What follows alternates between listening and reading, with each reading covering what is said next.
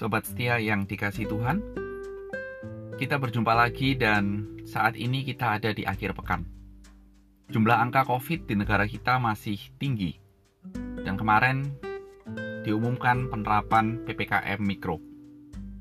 Berharap kita tetap menerapkan protokol kesehatan dengan baik dan jangan lengah untuk kesehatan kita. Lukas 24 ayat 36 sampai dengan 43 akan menjadi perenungan kita bersama hari ini. Dan tema kita adalah Mengapa Engkau Ragu? Nats kita akan dibacakan oleh Tatia, alumni dari Junior High EACS yang sekarang bekerja di Singapura. Terima kasih atas support dalam membacakan ayat bagi SS Podcast. Tuhan memberkati pekerjaanmu dan memberkati keluargamu yang ada di Jakarta.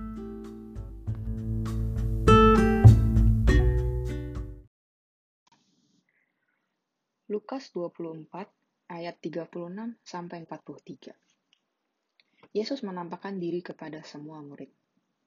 Dan sementara mereka bercakap-cakap tentang hal-hal itu, Yesus tiba-tiba berdiri di tengah-tengah mereka dan berkata kepada mereka, "Damai sejahtera bagi kamu." Mereka terkejut dan takut, dan menyangka bahwa mereka melihat hantu. Akan tetapi ia berkata kepada mereka, Mengapa kamu terkejut dan apa sebabnya timbul keraguan-raguan di dalam hati kamu? Lihatlah tanganku dan kakiku. Aku sendirilah ini. Rabalah aku dan lihatlah, karena hantu tidak ada daging dan tulangnya seperti yang kamu lihat ada padaku. Sambil berkata demikian, ia memperlihatkan tangan dan kakinya kepada mereka. Dan ketika mereka belum percaya karena girangnya dan masih heran, berkatalah ia kepada mereka, Adakah padamu makanan di sini? Lalu mereka memberikan kepadanya sepotong ikan goreng. Ia mengambilnya dan memakannya di depan mata mereka.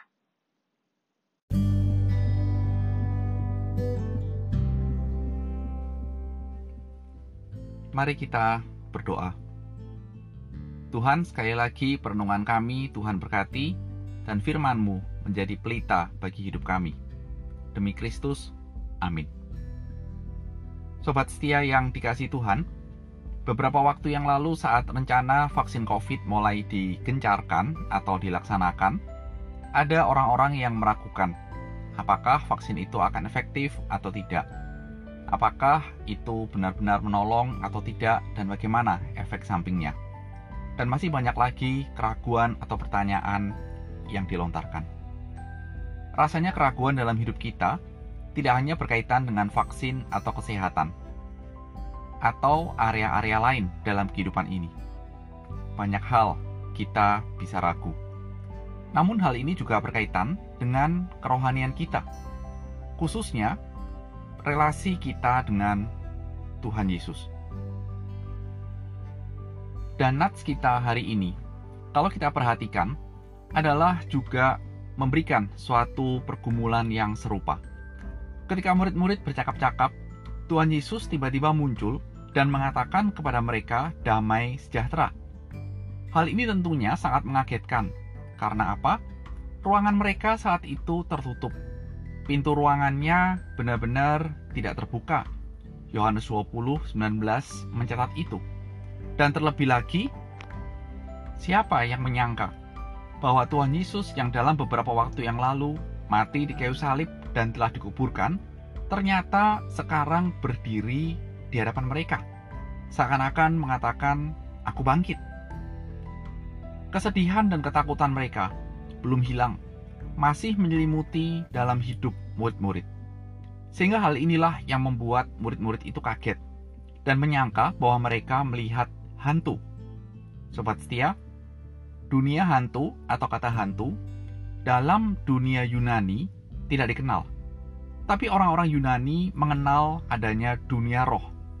Dan jelas, sangkaan mereka bahwa mereka melihat roh atau hantu karena masih melekat dalam benak mereka bahwa Tuhan Yesus mati dan orang mati menyapa mereka pada hari itu. Dan dalam sikon inilah Tuhan Yesus langsung mengkonfrontasi apa yang ada dalam pikiran mereka dan ada dalam benak mereka. Tuhan Yesus mengatakan, "Mengapa kamu takut dan ragu dalam hatimu? Mengapa kamu tidak percaya akan perkataanku yang telah kusampaikan pada waktu yang lalu? Bila saat itu Tuhan Yesus mengkonfrontasi murid-muridnya dengan kalimat seperti itu, sebagai orang percaya, pernahkah kira-kira Tuhan Yesus juga sedang mengkonfrontasi kita dengan kalimat yang sama? Mungkin pernah. Kita mengatakan percaya kepada Tuhan Yesus melalui mulut bibir kita.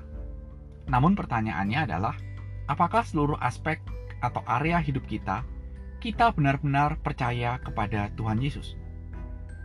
Sobat setia, ini menjadi satu hal yang menjadi pertanyaan dan harus kita jawab dan renungkan. Ketika sesuatu terjadi dalam kehidupan kita, seperti pandemik dalam hidup kita yang telah kita jalani lebih dari satu tahun, ada banyak muncul ketakutan, kekhawatiran, entah khawatir tertular, entah takut kehilangan pekerjaan karena dipecat atau pengurangan karyawan, entah khawatir hal-hal yang lain. Dan kira-kira saat ini ketika Tuhan Yesus berdiri di hadapan kita dan bertanya, "Di mana imanmu? Mengapa kamu khawatir dalam hatimu? Mengapa kamu takut?" Kira-kira apa yang menjadi jawaban dari kita? Mungkin bagi mahasiswa ITP 17 yang akan selesai profesi, kekhawatiran dan ketakutanmu adalah di mana saya nanti akan melanjutkan sebagai nurse di Siloam setelah UKOM. Untuk 2018 yang akan masuk dalam profesi, mungkin juga khawatir dan takut di mana saya akan menjalankan profesi. Sobat setia kasih Tuhan. Di tengah-tengah keraguan seperti itu, Tuhan paham apa yang terjadi pada murid-murid yang dirasakan murid-murid dan juga kita alami. Perhatikan bagaimana Tuhan Yesus meresponi keraguan dan ketakutan itu di ayat 39. Tuhan Yesus meresponi dengan menunjukkan adanya bukti yang ada dalam dirinya. Bukti itu adalah lihat tangan dan kakiku. Kira-kira bahasanya adalah ini loh bekas luka dari penyalipan.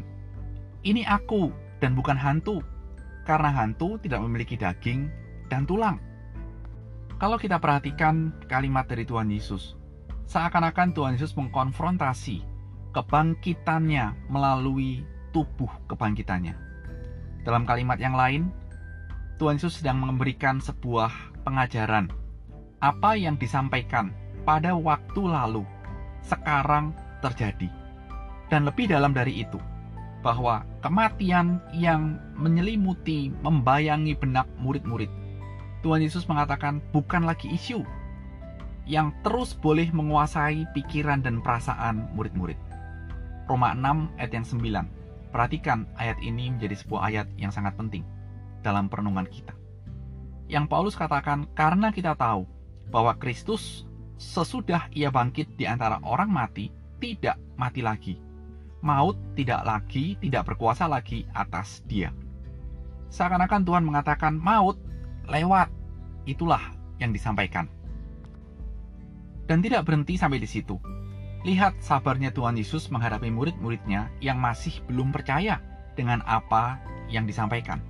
Sehingga Tuhan Yesus menanyakan apakah ada makanan. Kalimat ini bukan berarti setelah Tuhan Yesus mengajar, membujuk, dan mengkonfrontasi Tuhan Yesus lapar. Tidak. Namun Tuhan Yesus mau meyakinkan bahwa dia bangkit. Tuhan makan. Benar-benar mengkonfrontasi, membuktikan bahwa dia bukan hantu. Dia bangkit. Dia hidup. Dan maut tidak lagi berkuasa atas dia. Begitu sabarnya Tuhan Yesus menanti murid-muridnya percaya kepada dia dan kebangkitannya. Dan sobat setia, Tuhan kita sudah bangkit dan hidup dalam pengakuan iman rasuli dikatakan sekarang duduk di sebelah kanan Allah Bapa. Dan dia saat ini juga bersabar menantikan kita untuk benar-benar percaya kepada dia. Di area-area tertentu dalam hidup kita, kita mungkin sedang bergumul dengan Tuhan untuk bisa benar-benar percaya kepada, kepada dia. Area hidup mana yang dalam saat ini kita sulit untuk percaya kepada Tuhan? bila murid-murid saat itu meragukan kehadiran Tuhan di hadapan mereka. Mungkin itu juga yang menjadi keraguan kita saat ini, bahwa Tuhan benar-benar hadir dalam kehidupan kita yang mungkin kita rasa susah, sulit. Peribahasa kita adalah sudah jatuh, tertimpa tangga, plus tambahan saya diinjak atau terinjak orang lagi. Sobat setia yang dikasih Tuhan, bila perlu, dalam kondisi yang seperti itu, dalam keraguan kita, mintalah dan memohonlah kepada Tuhan untuk benar-benar menyatakan kehadirannya dengan cara Tuhan dalam hidup kita. Dan mintalah Roh Kudus menolong kita untuk memberi kepekaan atas hadirnya Tuhan, campur tangan Tuhan dalam hidup kita. Sehingga kita boleh benar-benar percaya akan kehadirannya dalam hidup ini. Sebagai anak Tuhan, kita tidak berjalan sendiri dalam mengarungi kehidupan yang seperti labirin. Percayalah, ada kehadiran Tuhan. Immanuel menyertai kehidupan kita. Selamat menikmati akhir pekan dalam naungan Tuhan. Amin.